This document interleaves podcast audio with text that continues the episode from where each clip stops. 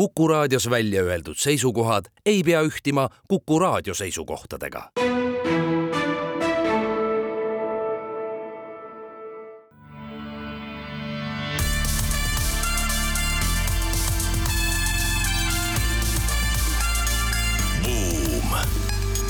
buumile annab hoogu SEB Pank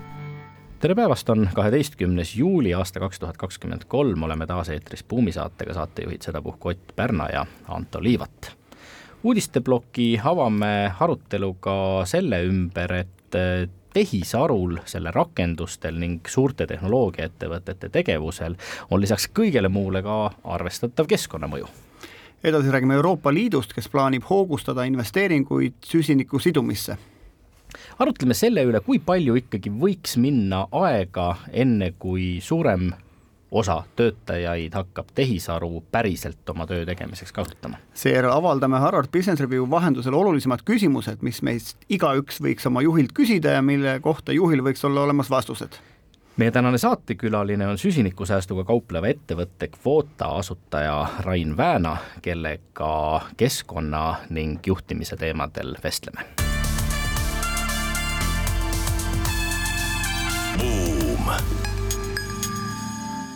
aga nii nagu lubatud sai, alustame eelmise saate jätkuna tehisaru teemadel. Nimelt üritavad äh, pea kõik suured tehnoloogiaettevõtted ühel või teisel moel tehisaru oma toodetesse, teenustesse integreerida, tõenäoliselt õige pea me näeme, kuidas äh, erinevad otsingumootorid äh, tehisaru kasutavad, rakendavad ja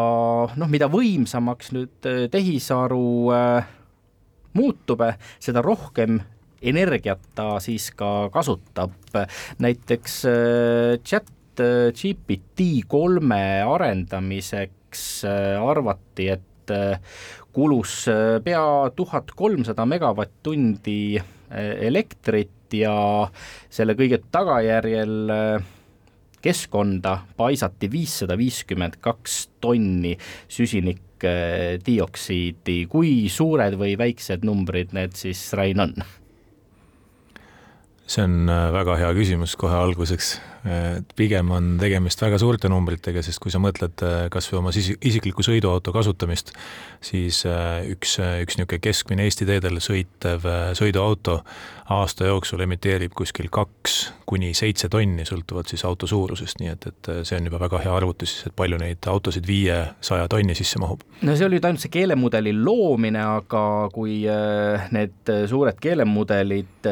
integreeritakse erinevatesse toodetesse, teenustesse, tootesse, neid kasutavad sajad ja sajad miljonid äh, inimesed äh, igapäevaselt, siis äh, see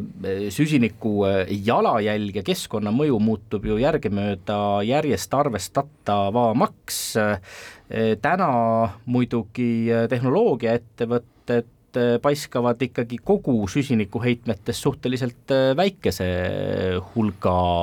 atmosfääri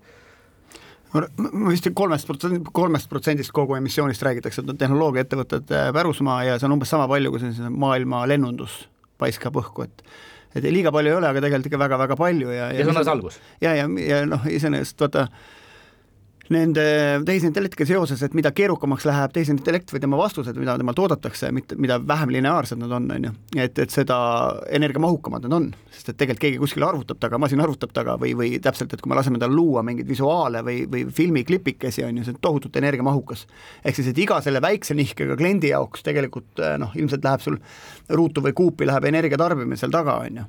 Et ja see on põhjus ka, miks suured konglomeraadid, kellest maailmas kõige suurem tehnoloogiaettevõte, kes kulutab, on, on Samsung, eks, ja siis on vist Amazon ja need tulevad järgi aga et kõik nad räägivad sellest, et kas siis noh, kuidas nullini viia oma energiatarbimist, mis on ebareaalne, aga ikkagi kuidas seda rohkem nagu siis optimeerida. no Samsungi ja Amazoni kõrval, kui vaadata suhtena käibesse, siis needsamad eh, kiibitootjad on tehnoloogiaettevõtete hulgas eh, need, kes eh, süsinikku kõige rohkem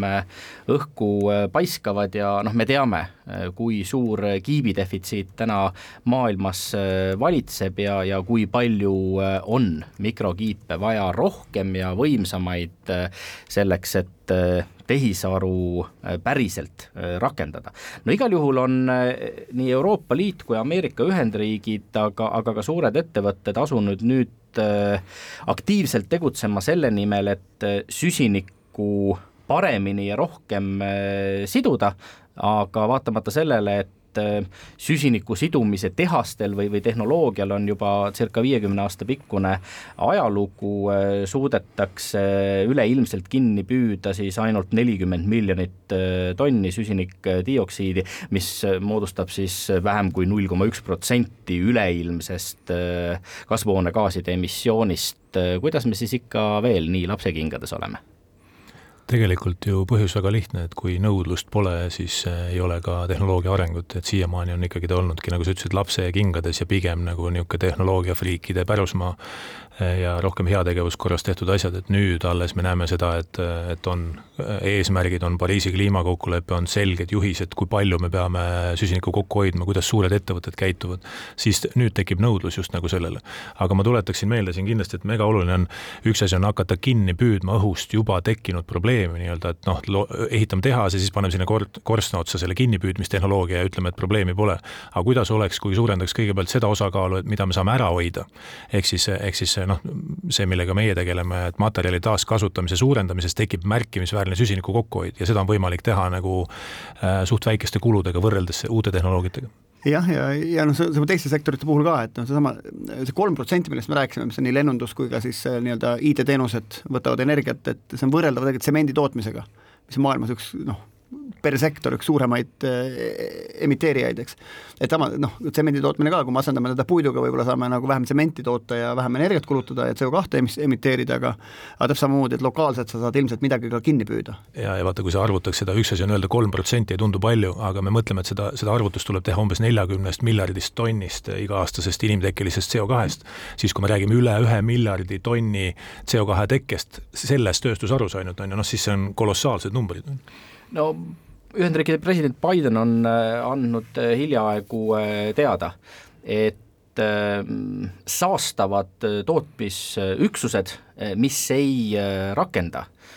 siis süsiniku sidumise tehnoloogiat võidakse ka lähiajal riigi sunnijõuga lausa kinni panna. mida see süsiniku sidumine endast täpsemalt kujutab? Süü-, süsiniku sidumine on siis mingil moel süsiniku kinnipüüdmine ja siis äh, rakendades teda siis kas nii-öelda ladustades teda maa alla või mõnel muul viisil või siis kasutades seda uuesti tootena, et sealt need kaks väljendit, see CCS ja CCU on ju, et CCS on siis see, kus see S tähendab storage ehk, ehk äh, nii-öelda lattu panemist, äh, seda tehakse maailmas. ja teine on siis see U sealjuures, mis tähendab siis utilization ehk, ehk teeme sellest kinni püütud või seotud süsinikust uuesti mingisuguse toote. miks äh, tehnoloogiaettevõtted äh, ise on valmis täna investeerima ja panustama süsiniku sidumise tehnoloogiatesse või, äh, võigi siis ka süsiniku noh, säästumeetmetesse, no on see selline heategevuslik, mainekujunduslik projekt või, või mis need põhjused veel on? Kümme aastat tagasi ma usun, et ta oli heategevuslik ja mainekujunduslik projekt, aga täna, kui sa vaatad suuri rahvusvahelisi korporatsioone ja tegelikult seda, mida riigid ootavad, siis täna ta on juba nagu do or die, et kui sa, kui sa ei panusta sellesse, siis tegelikult kliendid ei võta sind väga tõsiselt, järgmine põlvkond, kes tuleb, ta ju eeldab seda, et see keskkond, kus me täna elame, säilib, järelikult on pigem ellujäämisega, et sa pead sellega tegelema, kui sa tahad, et su bränd oleks tugev. ja ma arvan seda, et noh, see on natuke nagu innovatsiooniga avalikus sektoris, et me võime seda igalt poolt otsida, aga tegelikult me saame seda kahest kohast, ühel puhul, et kui nii-öelda raha kulutamine väheneb kuskil, et midagi läheb odavamaks, et siis see innovatsioon saab toetust ja ja kui kuskil näiteks mingi statistikanumbrite kogumine, kvaliteet paraneb, siis saab ka nagu innovatsiooni, eks. et, et ettevõttes võib-olla lihtsam, et kui parandab kuidagi bottom line'i, on ju, siis on nagu, nagu või, või suurendab turuosa või midagi või võiks, võiks kaasa aidata, eks. et sama lugu nende ettevõtete puhul, et mingi osa sellest kindlalt on rohepesu, on ju, et, et, et investorid ja kliendid ja kõik nõuavad ja me teeme ka, aga ma arvan, selline jätkusuutlikum osa on see, et nad saavad oma mm, kulusid alla ehk siis, et ühelt poolt, et sul nii-öelda serveripargid vähem energiat kulutaksid, võib-olla saaks optimaalsemad serveripargid ehitada, on ju, et et see ressursisääst tegelikult viib ka selleni, et me emiteerime vähem, on ju. ja seesama Apple on ju, kelle pakid on väga lugupeetud või sellised tunduvad hästi kallid, aga tegelikult on hästi väiksed, kui me vaatame, kui kui väike on see pakend sellesama telefoni ümber ikkagi, on ju. et, et ja kuidas ta on siis noh, logistika mõttes näiteks neid sama kandilisi telefonipakki, kui sa mööda maailma neid ringi saadad, on ju, et, et see logistika on ka optimaalsem, kui et nad oleks nagu teistsugused, eks. et see noh, mingisugune standardiseerimine aitab, et, et ilmselt need on sellised jätkusuutlikumad kohad, kus see kokkuhoid on võib-olla püsivam. No on ka alternatiivseid äh, lahendusi ja võib-olla isegi tuleks öelda radikaalseid lahendusi, nüüd on äh, Euroopa Liitki öelnud, et nad on valmis äh, kaasa mõtlema, töötama ja panustama selleks näiteks, et analüüsida võimalusi päikesevalgust kosmosesse tagasi peegeldada või töödelda siis pilvi sellisel kujul, et äh, päikesevalgust vähem äh, maa peale jõuaks ning äh, kliima soojenemist oleks võimalik pidurdada, mis pilguga sa nendele katsetele vaatad, Rain? Mul seal konkreetne arvamus puudub, äh, ma pigem keskenduks kogu aeg sellele, mida me täna saame ära teha, et täna on tegelikult nii palju laual seesama kvootategevus on ju, materjalide taaskasutuse suurendamine, see on nii lihtne madalal rippuv õun on ju, hakkame rohkem materjali ringlusse võtma, CO2 teke väheneb, et äh, kui me võtame materjalitööstused kokku, seal on äh, kogu, sa ütlesid ennem kolm protsenti tekib tehnoloogia valdkonnas näiteks on ju viiskümmend üks protsenti inimtekkelisest CO2-st on materjalitööstusest pärit Need kõige suuremad saastajad on muidugi endiselt need energiaettevõtted äh, üleilmselt. Jaa, aga energiaettevõtete põhi, äh, põhi nii-öelda fookus on ju sellele, et kuidas materjalitööstustele energiat anda, nii et, et jällegi ja, ja no energiaettevõtted küll, aga ikkagi see energia kuskil kasutatakse, et see noh, ütleme, tööstus kasutab kakskümmend neli protsenti sellest energiast, on ju, transport kuusteist, ehitussektor seitseteist protsenti energiast, et et kuhugi need läheb. Ja üleüldse, et vaata, energia kasutamine pole maailmas ju staatiline, ta tegelikult on kasvutrendis, on ju. et kuidas sa seda kasvavat energia tarbimist ehk siis ka põletamist laias laastus, et kuidas sa seda nagu optimeerid, et me lahendame probleemi, mis tegelikult eskaleerub, mitte ei ole staatiline. noh, muidugi see sügi-, süsiniku püüdmine omakorda tõstab tõenäoliselt siis energiatootmise hinda, aga, aga sellest ja teistest võimalustest äh, räägime peagi pärast reklaamipausi edasi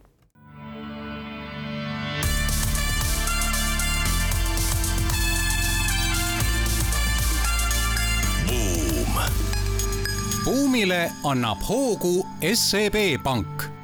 oleme tagasi Buumi eetris, saatejuhid Ott Pärna ja Anto Liivat ning meie tänaseks saatekülaliseks on süsinikusäästuga kaupleva ettevõtte Kvota asutaja Rain Vääna. süsiniku sidumisest äh, rääkisime esimeses uudisteplokis äh, ning möönsime, et need tehnoloogiad on äh, lapsekingades ja noh, ei ole ju ka Eesti Energia näiteks jõudnud Äh, arusaamisele, millist tehnoloogiat ja millisel määral äh, rakendada, miks see, Rain, nii on? Väga lihtne põhjus, et tegelikult täna ju äh, kohustust seda teha ei ole ja, ja võimalusi pole veel avastatud nii-öelda, et äh, Eesti Energia puhul ka, et et kui sa sellise seadme siis korstna otsa paned ja hakkad sealt püüdma neid äh, süsinikuemissioone, siis mis sa nende emissioonidega edasi teed? Ja see on puhas kulu elektri hinnale otsa, täna on energia hind niigi kõrge või noh, kõigub Baltikumis eriti, on ju, et, et miks me peaks veel lisakulusid tegema, aga tegelikult mida siis energiaettevõtted ammu võiksid aru saada, et see on tegelikult täiendav võimalus. kui sa sellise tehnoloogia üles paned, siis see kokkuhoid, mis sa kinni kinni püüad ja ladustad äh, vastavalt nendele nõuetele, siis see on müüdav täna nii et, et see on juba omaette turg, see on lisatulu tegelikult, lisatulu võimalus. mis sa sellest asjast arvad, et me siin Euroopas püüame kõiki nagu vähendada seda tüüpi emissiooni, on ju, hiinlased ehitavad kivisöejaamasid juurde, noh, ütleme kordades suuremas mahus, mis siin üleüldse nüüd Euroopas, Põhja-Ameerikas kinni pannakse, et et, et noh, lokaalses mõttes jah, me saame õhu puhtamaks, aga sellise kliima soojenemise mõttes ilmselt on ikkagi vähikäik või? Lühi... saame me mõjutada kuidagi Hiinat ja Indiat? lühiperspektiivis on kindlasti vähikäik, pikaajalises perspektiivis ma ju usun, et äh, nii USA kui äh, Euroopa Liit ja, ja muud sellised äh, edasi jõudnud maad just kliimavaldkonnas, et nemad hakkavad kuidagi oma turgu kaitsema, et kui sa siis ei ole tootnud seda toodet konkreetselt süsinikku säästes, siis sul on raskem turule tulla. seesama nagu see lapstööjõu kasutamine ja muu selline. just, et ma, ma usun, et juba lähema viie aasta jooksul see on nagu niisugune aamen nii-öelda selles mõttes, et hästi, hästi äh,, hästi selge omadus, mis tootel peab juures olema, keskkonnasõbralikkus ja tõestatud äh, see süsiniku vähendamine seal pidevalt juures. no kus on nõudlus, seal on, äh, on ka pakkumine ning vastupidi, kui nõudlust ei ole, siis ei kipu tekkima ka pakkumist Leedsi Sussexi ja Cambridge'i teadlased on andnud meile värskete uuringu andmete varal teada, et ainult kolmkümmend kuus protsenti Ühendkuningriigi tööandjatest on investeerinud viimastel aastatel tehisintellekti kasutavatesse või rakendavatesse tehnoloogiatesse. Ja veelgi kõnekam on küllap fakt, et ainult kümme protsenti nendest, kes möönavad, et nad ei ole investeerinud Äh, väidavad, et nad plaanivad seda järgneva kahe aasta jooksul teha, ehk siis äh, reaalselt ei tunnetata nõudlust tehisintellekti rakenduste järele ja kuuskümmend protsenti Ühendkuningriigi töötajatest ütlevad, et äh, nad ei ole viimase aasta jooksul ühtegi tehisintellekti teemalist koolitust saanud. Ähm, kokkuvõtlikult tõenäoliselt läheb veel päris palju aega, enne kui töö tegemiseks inimesed päriselt hakkavad neid rakendusi, olgu chat GPT või, või teised kasutama noh, kõigepealt on mul väga hea meel, et mu enda alma mater, Sussexi ülikool on selle äh, töö üks autoritest Ühendkuningriigis, eks. aga minu arust sellest loost tuleb üks väga hea tsitaat välja, et, et see meie usk ja ootus tehisaru, et tehisaru muudab maailma. noh, muuseas, mis me näeme, mis, mis aktsiaturud teevad täna tehnoloogiafirmade puhul selles, selles kontekstis, on ju. et tsitaat algab, et see on segu lootusest, spekulatsioonidest ja haibist, mis siis õhutab narratiivi, et tehisaru kasutuselevõtt muudab, antud juhul siis Suurbritannia tööturgu, suurendab tootlikkust ja majanduskasvu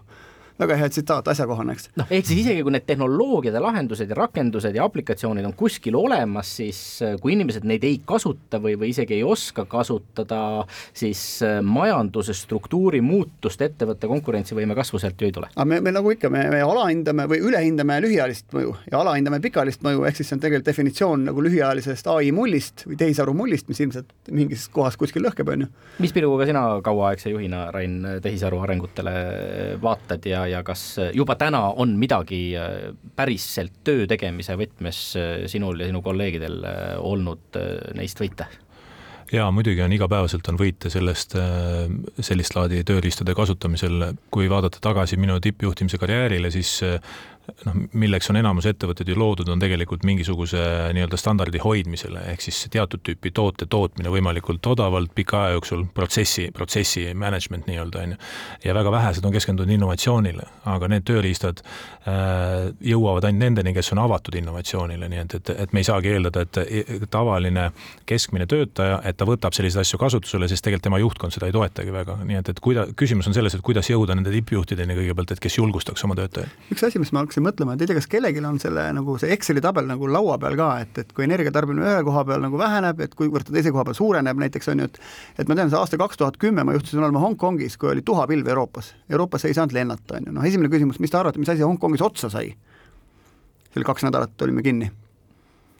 no vot sushi house ides sai otsa lõhekala, on ju tuunikala oli, see tuunipala püütakse seesamast nagu Vaiksest ookeanist, on ju, aga aga sai lõhekala otsa, mida veetakse lennukitega Norrast, on ju. noh, ja vaata siis näiteks DHL-il on meil nagu kakssada lennukit endal ja sõpradel on ka lennukid ja siis nad lendavad nagu kaks tuhat nelisada lendu äh, nagu päevas, on ju vedades muuhulgas lõhekala Norrast, on ju, Hongkongi, eks. ehk siis, et kõige säästlikum sõit on tegemata sõit, on ju. aga nüüd seesama kaks tuhat kümme aastal eh, sai üks organisatsioon puukallistajate auhinna. selline organisatsioon on nagu Tree Haggers vist või Haggers maailmas ja, ja see organisatsioon oli nimelt Skype ja ta sai selle eest, et selle arvelt, et siis lennukiga ei lennatud, tehti mingid koosolekud Skype'is ju, täna me nähed, näeme, et tehakse Zoomis või Teamsis või Teamsis või kuskil, on ju, ja, ja energia, okei okay,, lennundusenergiat hoitakse natuke kokku, aga tegelikult kulu tekib hoopis meil kuskil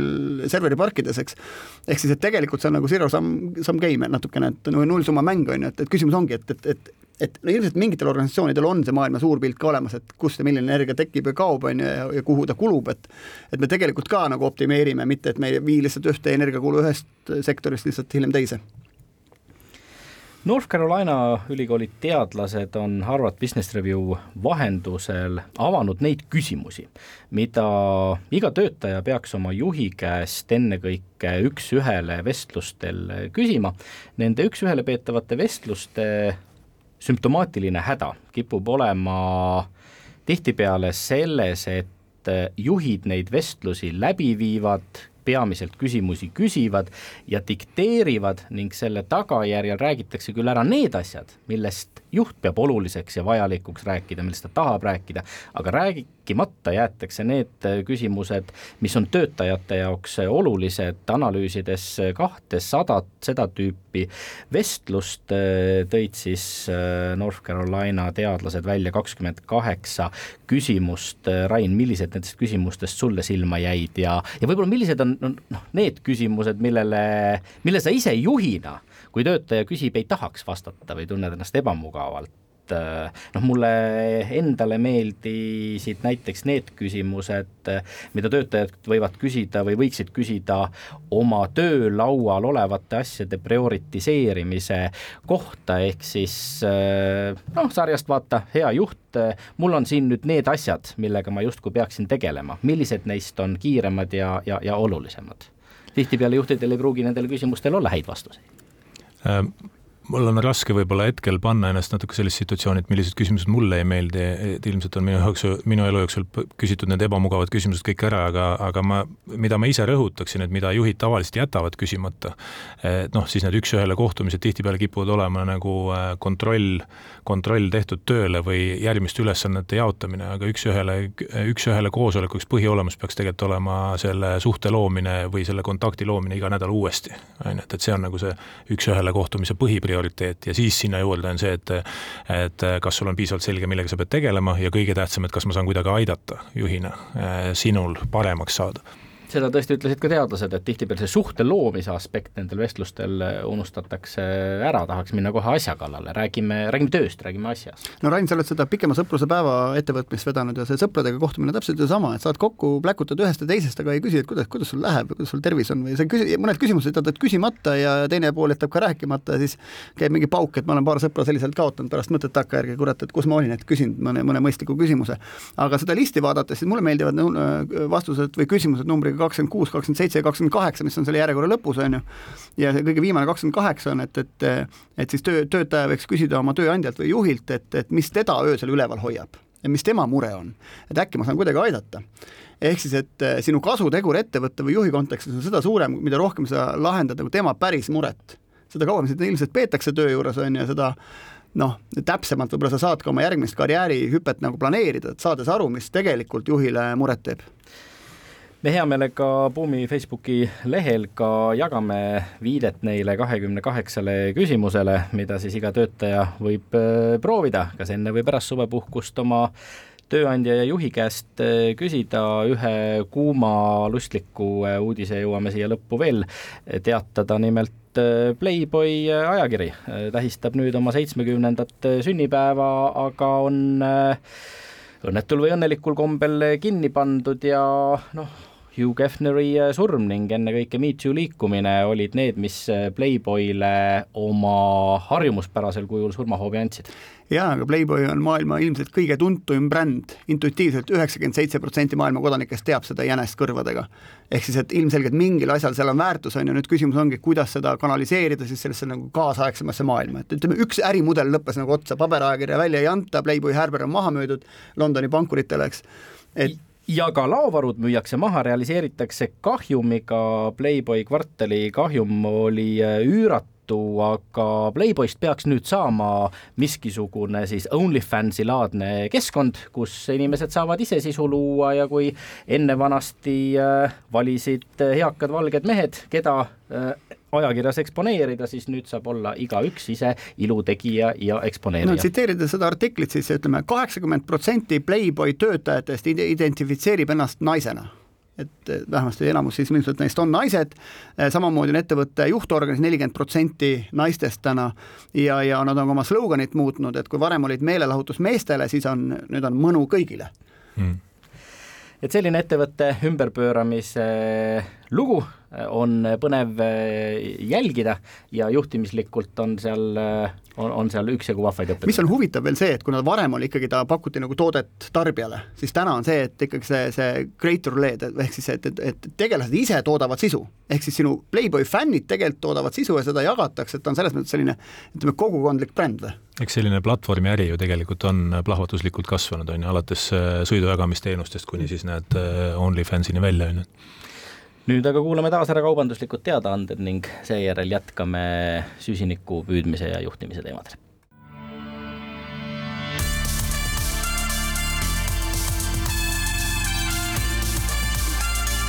Boom.. buumile annab hoogu SEB Pank oleme tagasi Buumi eetris, saatejuhid Ott Pärna ja Anto Liivat ning meie tänaseks külaliseks on äh, kauaaegne tippjuht süsinikusäästuga kaupleva ettevõtte Kvota asutaja Rain Vääna, kellega räägime süsinikus sidumise ja juhtimise teemadel. viiekümnendaks juubeliks tegid sa, Rain, endale kingituse startup ettevõtte näol. miks nii ja, ja, ja miks just kvoota? Äh, täpsustus olen veel nelikümmend üheksa, on ju, et natuke läheb aega, aga sellegipoolest kingitus suur, et neljakümnendates alustada nullist äriga just neljakümnendate teises pooles, see on tõeline kingitus, et selleks on vaja julgust ja pealehakkamist ja, ja tegelikult lähedaste toetust ka, sest see nii-öelda harjumuspärane elu, et ma olen viimased viisteist aastat olnud suuremate ettevõtete tippjuht, siis see harjumuspärane elu, elu jääb selja taha, see, mis oli kindel, nii sissetulekud kui kõik muu su ümber, see kaob ja jääb päris suur kaos alguses, nii et, et tõepoolest väga hea kingitus. ja miks ma ütlen väga hea, on sellepärast, et tegelikult me kõik ju tahaks midagi ägedat elu jooksul ära teha ja startup'i asutamine on minu arvates küll iga inimese üks asi, mida ta võiks ära proovida. no kas süsiniku püüdmine on siis kuidagimoodi äge, ta tundub üsna abstraktne, ta tundub äh, asi, mida äh, ajades ja, ja suurte ettevõtete ustele koputades võib äh, piltlikult öeldes jalad-jalad päris ära kulutada, vähe sellest, et, et ego saab haiget tead, kui vaadata lühiajalist plaani, siis tunduks jah, et võiks millegi muuga tegeleda, aga kui vaadata seda tegelikult, mis on viimased äh, juba nüüd üle kümne aasta minu missioon olnud, siis äh, midagi tagasi anda keskkonnale, et, et see kuidagi sai alguse Ragn-Sellsi tööle minnes. et siis, kui ma ju läksin Ragn-Sellsi, siis enamus mu sõpru vaatasid, et noh, nüüd läksid prügifirmasse, et nüüd su karjäär on läbi ja nii edasi, on ju, aga täna nad saavad kõik aru, et kas siis pooljuhuslikult või meelega, ma sain juba siis aru, äh, et sellest valdkonnast kasvab midagi tõeliselt olulist. ja, ja täna Ragn-Sells ju, kui sa vaatad, millega ta tegeleb, siis ta on juba materjalitootjaks muutunud, on ju, ta, ta tarnib äh, materjale äh, teistele tööstusharudele. ja sealt loogiline samm, kui ma tahtsin enda ettevõtet arendada, siis seal üks asi, mis äh, me leppisime kokku teise asutaja Argoga, oli see, et, et see peab olema keskkonnale kasulik. ja teine asi, mis me siis leppisime kokku, et see peab ka meile kasulik olema, ehk siis me ei tee heategevusorganisatsiooni, vaid me loome äri, mis on keskkonnale kasulik no juba on teie äriväärtus on sellest, on kvota.com leht olemas, et ilmselt sellel mõned sajad tuhanded väärtust, et kui selline viietäheline domeen on olemas. oot-oot-oot, poolteist miljonit ikkagi anti teile ka oma asja ajamiseks? jaa, eelmise aasta aprillis me tõstsime esim-, esimest korda raha ja seal oli jah, üks koma viis miljonit, mis me siis investorite käest saime. mille vastu või mille tarvis see raha ennekõike teile anti? Äh, idee ja visiooni teostamiseks, e-, ehk siis sellel hetkel meil oli väga selgelt aru saada, mida me läheme tegema ja me teadsime, et materjalide taaskasutamise suurendamisest eh, tekib süsiniku kokkuhoid ja sellega on võimalik kaubelda. ja me saime aru, et see turg on küll alles alguses, aga selline nii-öelda kaubeldavate süsiniku kokkuhoidude tekitamine, eh, see on tulevikus väga suure nõudlusega. Me teame tänaseks, et on vaja kuskil kaks miljardit tonni süsinikusäästu leida, mis oleks kaubeldav ja nagu sa, Ott, väga hästi ütlesid, et see hakkab olema ilmselt nagu kogu aeg ringluses, et mingid ettevõtted niikuinii äh, e-, emiteerivad süsinikku ja teised siis, kes selle kokku peaksid püüdma ja tekib kauplemiskeskkond, nii-öelda kvoodid. ja, ja siis kvoota on üks sellise platvormi äh, või nõudluse osaline. indulgentsi kauplemine natukene indulgents on äh, ühtepidi nagu hästi öeldud, aga teistpidi indulgents on see, kus sa, kus sa ostad endale nii-öelda südametunnistuse vabastuse. et, et sa ei pea enam rohkem selle teemaga tegelema, aga mis on, mis on sellise süsinikukvoodi puhul nagu hea asi, on, on see, et tegelikult sa raporteerid kõigepealt oma probleemi tõsiduse, et jah, ma annan endale aru, näete, siin on sada tonni süsinikku, mida ma siis emiteerisin ja nüüd teiselt poolt näete, et ma maksan siia vastu mingisugusesse tööstusharusse tagasi, et see süsinik kokku hoitakse. ehk siis sisuliselt see on osa sinu ärist tulevikus, sa ei saa äri ajada, kui sa ei ole oma süsiniku jalajälge äh, kompenseerinud mul on kogu selle teenuseäri ja sellise nii-öelda kvoodiäri, äri taustal mul tuleb meelde üks, üks lugu, mis, mis rääkis ameeriklaste võimekusest sõjalaevu toota. et nad tahavad osta aastas, neil on kolmsada suurt sõjalaeva, mis on vee peal, on ju, ja neist nad peavad ära uuendama, nad amortiseeruvad kolmekümne aastaga, ehk nad peavad kolm uut laeva aastas juurde tootma, aga USA toot- või ettevõtete võimekus toota vist poolteist laeva, eks. ja seetõttu just, et, et nende see industriaal äh, Äh, pool äh, nagu tööstusest või, või majandusest on kadunud, asendunud siis teenuste või finantsspekulatsioonide ja kõige sellega, on ju, et, et et see päris nagu asi kaob lõpust ära, et et, et kas te oma selle ettevõttega sinna päris asja poole ka lähete, et reaalselt aitategi, ma ei tea, korstna otsa CO2 kogujaid panna, ma ei tea, materjali ringkasutust korraldada kuidagi, midagi kui sa vaatad kvoota ärimudelit, siis see on platvorm, kus saavad kokku materjalitootja, reaalne materjalitootja, ehk siis see on päris tegevus, ettevõtetega, kes ostavad süsiniku kokkuhoidu, mis tekkis materjalide taaskasutuse suurendamisest, on ju. ja nüüd, kui me mõtleme selle materjalitootja jaoks, et mida siis kvoota pakub, kui me müüme turul maha tema kokkuhoitud süsinikku, siis me anname tema äh,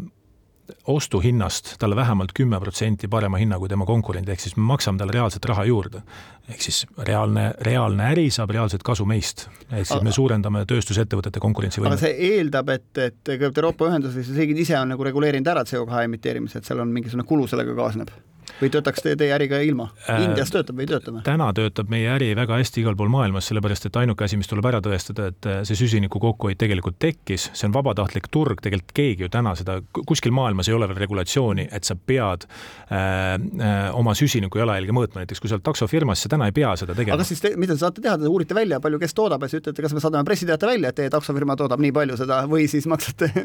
kuidagi tulete meie börsile? umbes nii ta ongi käinud praegu, et, et noh, kindlasti ei ole siin mingisugust niisugust nagu pahatahtlikku lähenemist, aga, aga paljud ettevõtted, kes täna kvootaga on liitunud, nende mõte on tegelikult selles, et nad on aru saanud, eriti mulle meeldis Avis, kui, kui kunagi oli nendega esimene leping, siis nad ütlesid, kui me oleme esimesed, siis me tuleme. põhjus väga lihtne, nad said aru, et kui nemad on Baltikumis selles tööstussektoris, autorendiäris esimesed, kes sellega tegelema hakkavad, kõik räägivad neist on ju, mul tuleb meelde meie eelmise saate soovitus, et kui Lõuna-Koreal oli esimene dirigent äh, robot, et me võiks esimese rahvasaadiku roboti äh, kuidagi sättida endale. riigi, riigi au ja kuulsus kohe, kõik kirjutavad, eks mis asja te Rally Estoniaga koos äh, ajate? see on äge koostöö, et äh, samamoodi võiks ju öelda, et täna nõudlust ei ole ralliüritusi nii-öelda ära jätta või jumala eest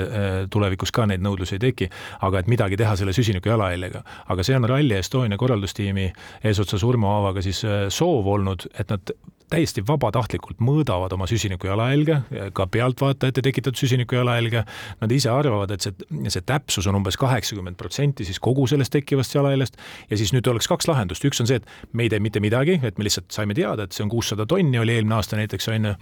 või siis me hüvitame selle ära, äh, kasutame siis mingisugust meetodit ja meie koostöö siis näeb välja selline, et Rally Estonia koos oma publikuga, pealtvaatajatega saab äh, hüvitada kogu tekkinud Rally Estonia jalajälje ja pikk perspektiiv siis, mida Urmo on välja öelnud, et et äh, järgmiste aastate jooksul nad tahavad saada esimeseks äh, täielikult kompenseeritud jalajäljega ralli ürituseks maailmas.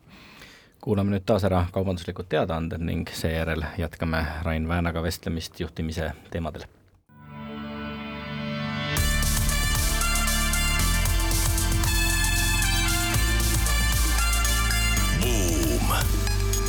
buumile annab hoogu SEB Pank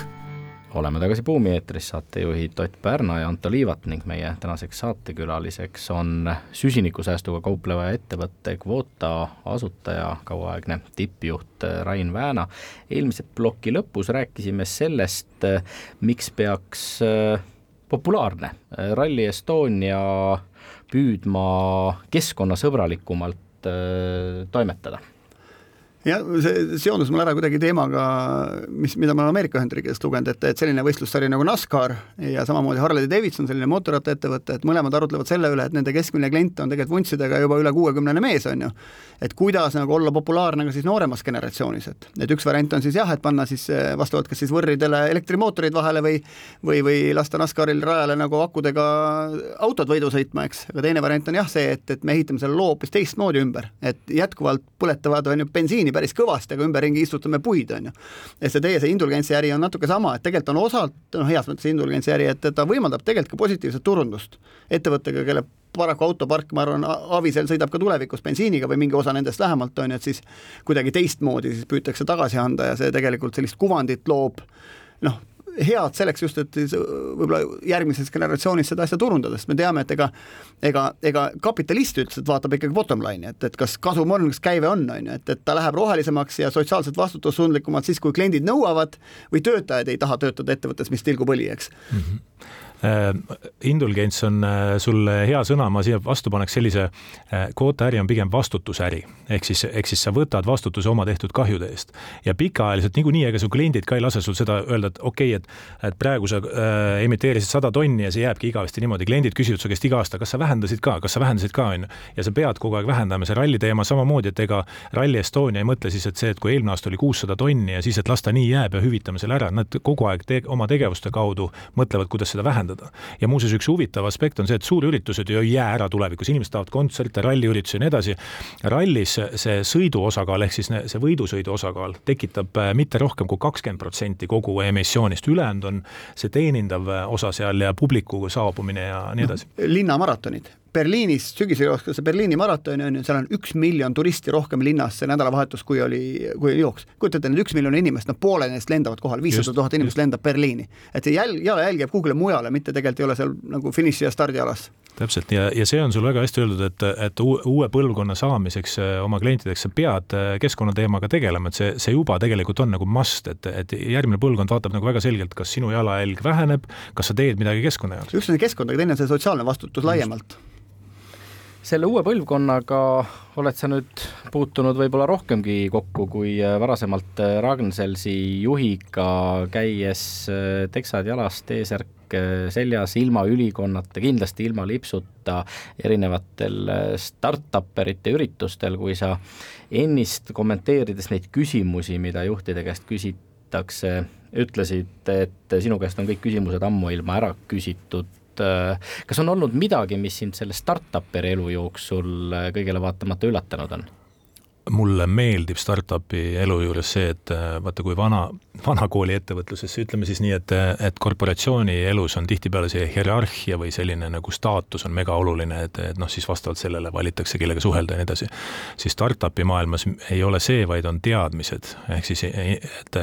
kogunetakse inimeste ümber, kes on midagi nagu ägedat õppinud või, või midagi oma kätega ära teinud, on ju, ja seal ei ole staatusega midagi küsimust, seal on pigem see, et, et see on äge, kui sa õpid midagi uut ja, ja sa saate alguse poole ütlesid, ütlesid seda, et, et sa oled noh, neljakümnendate lõpus teed startup'i ja noh, ma samamoodi, tere tulemast, on ju. aga,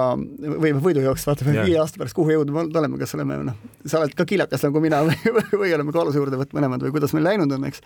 aga, aga, aga samas uuringud ütlevad tegelikult seda, et kõige et, kõige edukamad ettevõtjad, Silicon Valley uuring, neljakümne nelja aastaselt asutavad ettevõtteid. ehk siis, et noh, esimene maja ehitab võõrale, teine sõbrale, kolmas endale, on ju, sama lugu on ettevõtetega ja ilmselt see neljakümne neljandal jõutaksegi umbes sinna kanti, et, et on nii palju kogemust taga, siis on valikjuhina, et, et kas sa siis nagu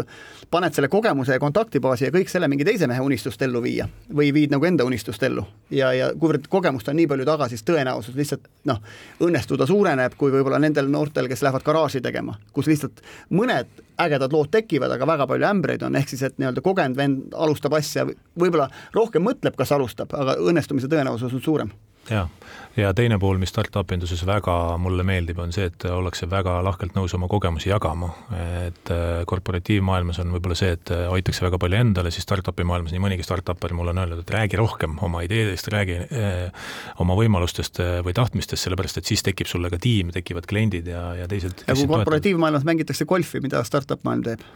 Äh, startup maailm käib siis erinevatel startup'i üritustel, on ju, ja sealhulgas siis igasugused startup day ja, ja latitude ja nii edasi, on ju, kus siis saadakse oma asju ilusti räägitud ja vahetatud. ma kujutan ette, et Dragoncellis oli oluline jälgida siis äh, erinevaid äh, kasumiridu ja püüda järgmisel kvartalil võimalusel natukene paremini toimetada startup maailmas raha põleb või, või seda põletatakse, kuidas siis siiamaani läinud on, et oled äh, raha võrra vaesem, kogemuse võrra rikkam? Startupi tegemine, ega see ei ole lust ja lillepidu kogu aeg, et seal on ka niisuguseid hetki, et tuleb vahest mõelda selle peale, et miks ma selle üldse ette võtsin ja noh, nii mugav ja hea oli ju äh, vanasti, et äh, tahaks sinna tagasi, aga tegelikkuses raha muidugi kulub, aga tuleb uusi kliente ja, ja ettevõtte väärtus kasvab. nii et lõppkokkuvõttes ma usun, et me teeme väga head asja, mis, mis juba varsti-varsti näitab ennast äh, maailma mastaabis kui hea tootena. meie saate hea toetaja SEB on andnud äh, meile teada, et Eesti äh, startup ettevõtted ja tegelikult ka Baltikumi startup ettevõtted hoiavad sellel aastal oma fookust äh, äh, koduturul, kolmkümmend neli protsenti nende uuringus osalenud Eesti startup ettevõtetest plaanivad uuendada oma tooteid ja teenuseid ja kakskümmend kaheksa protsenti leiab, et nõudlus nende pakutavate teenuste ja lahenduste vastu on kasvamas, eh, selles mõttes on ju eh, olukord hea, aga, aga fookus ikkagi kõigele vaatamata jah, koduturul, kas teil kvootas on samamoodi või, või plaanite väljapoole ka vaadata? Meil äh, fookus ei ole koduturul, äh, fookus on välisturgudel, aga koduturg on mega hea, äh, kus oma toodet testida. siin on edukad rahvusvahelised suured ettevõtted, ka väiksemad ettevõtted, kõik on hästi altid uuest ärist rääkima ja, ja siin saab nagu väiksel skaalal sedasama asja ära proovida, mida siis võõral turul skaleerida, nii et, et me, Eesti on mega hea koht, kus teha tooteteste, proovida uusi asju lansseerida ja siit edasi liikuda on juba palju lihtsam jah, ja, teenuseäri on selles mõttes ka põnev, et sa saad tegelikult Eestis seda äri ajada. et siin on ettevõtted, kes on näiteks oma B2C turundusega, ehk siis lõppkliendile suunatud turundust teevad Eestis, testivad mingisuguse sõnumi või, või kampaania ära ja lähevad ühele teisele turule ja siis seda B2B-d või siis seda nagu noh, otse ja. partneri turundust tehakse koha peal. jällegi optimeeritakse kulusid, et isegi suurtel, suurtel ettevõtetel, Microsoftil on maailmas vist äkki vii-, neli keskust suurt keskust, on ju. ja sa ei pea sugugi olema igas riigis. Airbnb ei ole kaugeltki igas riigis, kus kohas sa saad korterit nende kaudu nagu rentida ja meie puhul on sama, et me oleme oma toodet väga palju ikkagi Eestis, Eesti klientide peale ehitanud ja testinud ja, ja sealtkaudu ka tekivad niisugused head brändid ju külge, on ju, et, et sa saad Eestis ilmselt äh, natuke kergema vaevaga Audi endale koostööpartneriks, kui kohe Audi peakontorisse minnes, on ju. jaa, aga teistpidi me teame ka seda, et näiteks, et kui seesama Audi on ju, et, et ütleme, PR-raha Audi käest siin kätte ei saa Audi tahab oma kolm A3-e maha müüa, on ju, ja kui sa kuidagi aitad oma selle koostööga neid maha müüa, siis ta tuleb sulle. Yeah.. sest et Audil on või Volkswagen Grupil on ühesõnaga selle PR probleem, näiteks jäätmeprobleemides, mis meil oli siin see pettuse skeem, on ju, selle üle murdis nagu peakorter probleemi ja maksis ilmselt PR-i kõvasti raha ja tegid rebrandimist ja kogu see Volkswageni logo läks õhemaks ja kõik muu selline, et, et, et see on küll see, et rahvusvahelised firmad ilmselt esimese jutule nad võtavad, aga kui sa raha kätte tahad saada, siis just sellise sotsiaalse vastutuse mõttes, siis sa pead nagu peakontori poole minema. absoluutselt suur suvi on käes ja paljudel juhtidel puhkuste aeg, võimalus äh, seni tehtust kokkuvõtteid äh, teha ja edasisi äh, samme seada, kui nüüd meie saate kuulajate hulgas peaks olema ja meil on alust arvata, et on mõni neljakümnendates eluaastates tippjuht, kes kaalub võimalusi alustada oma järgnevat eluperioodi hoopistükkis startupperina, siis äh, milleks ta ennast valmis panema peab sinu kogemuse ja õppetundide põhjal?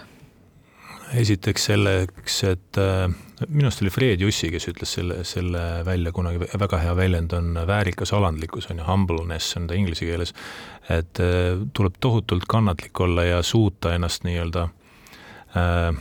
panna sinna situatsiooni kuulaja rolli, ehk siis sa ei saa enam olla tippjuht ja, ja nõuda asju, vaid sa pead väga paljuski kuulama, ma ei ütle, et ma tippjuhina alati nõudsin asju, aga noh, sa ikkagi oled harjunud sellest, et sa saad delegeerida, sul on meeskond. Äh, nüüd sa oled natuke üksi alguses, äh, võib-olla väikse meeskonnaga ja väga palju on vaja õppida ja kuidas õppida, siis on küsida endast targematelt ja startup'i maailmas tihtipeale, eriti kui sa oled üle neljakümne, siis enamus, kes on sinust targemad, on sinust poole nooremad. ja, ja sellega, see võtab natuke harjumist, et siis, et seda nõuannet nagu tõsiselt tõsiselt võtta, mis sealt siis tuleb. aga, aga keskmine vanus, sa ütlesid, Ott, väga hästi, et eh, startup'i maailmas keskmine vanus, ma usun, et tõuseb pigem praegu, et siin on nii mõni, mõnigi öelnud, et näiteks kui USA-s täna käia startup'i konverentsil, on ju, siis seal on pigem üle viiekümne aastaste ülekaal, eh, mitte enam alla kahekümne viie aastaste, nii et, et see, see on normaalne juba ühiskonnas, et inimesed tahavad ühe korra veel midagi ägedat teha. ja selles mõttes võib-olla ütleme, mis asi see startup on, et me noh, idufirma eesti keeles on ju, ehk siis, et tema ärimudel on skaleeritav sa teed ühe mingisuguse tarkvarajupi, sa saad seda sajale või tuhandele või kümnele tuhandele müüa,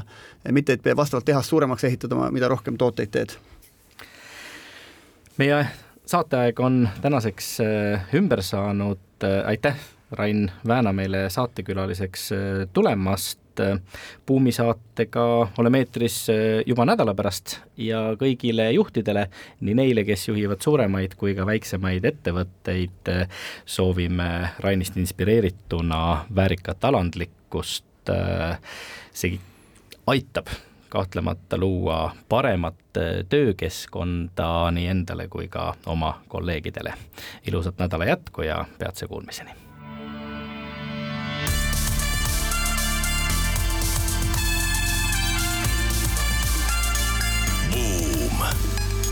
buumile annab hoogu SEB Pank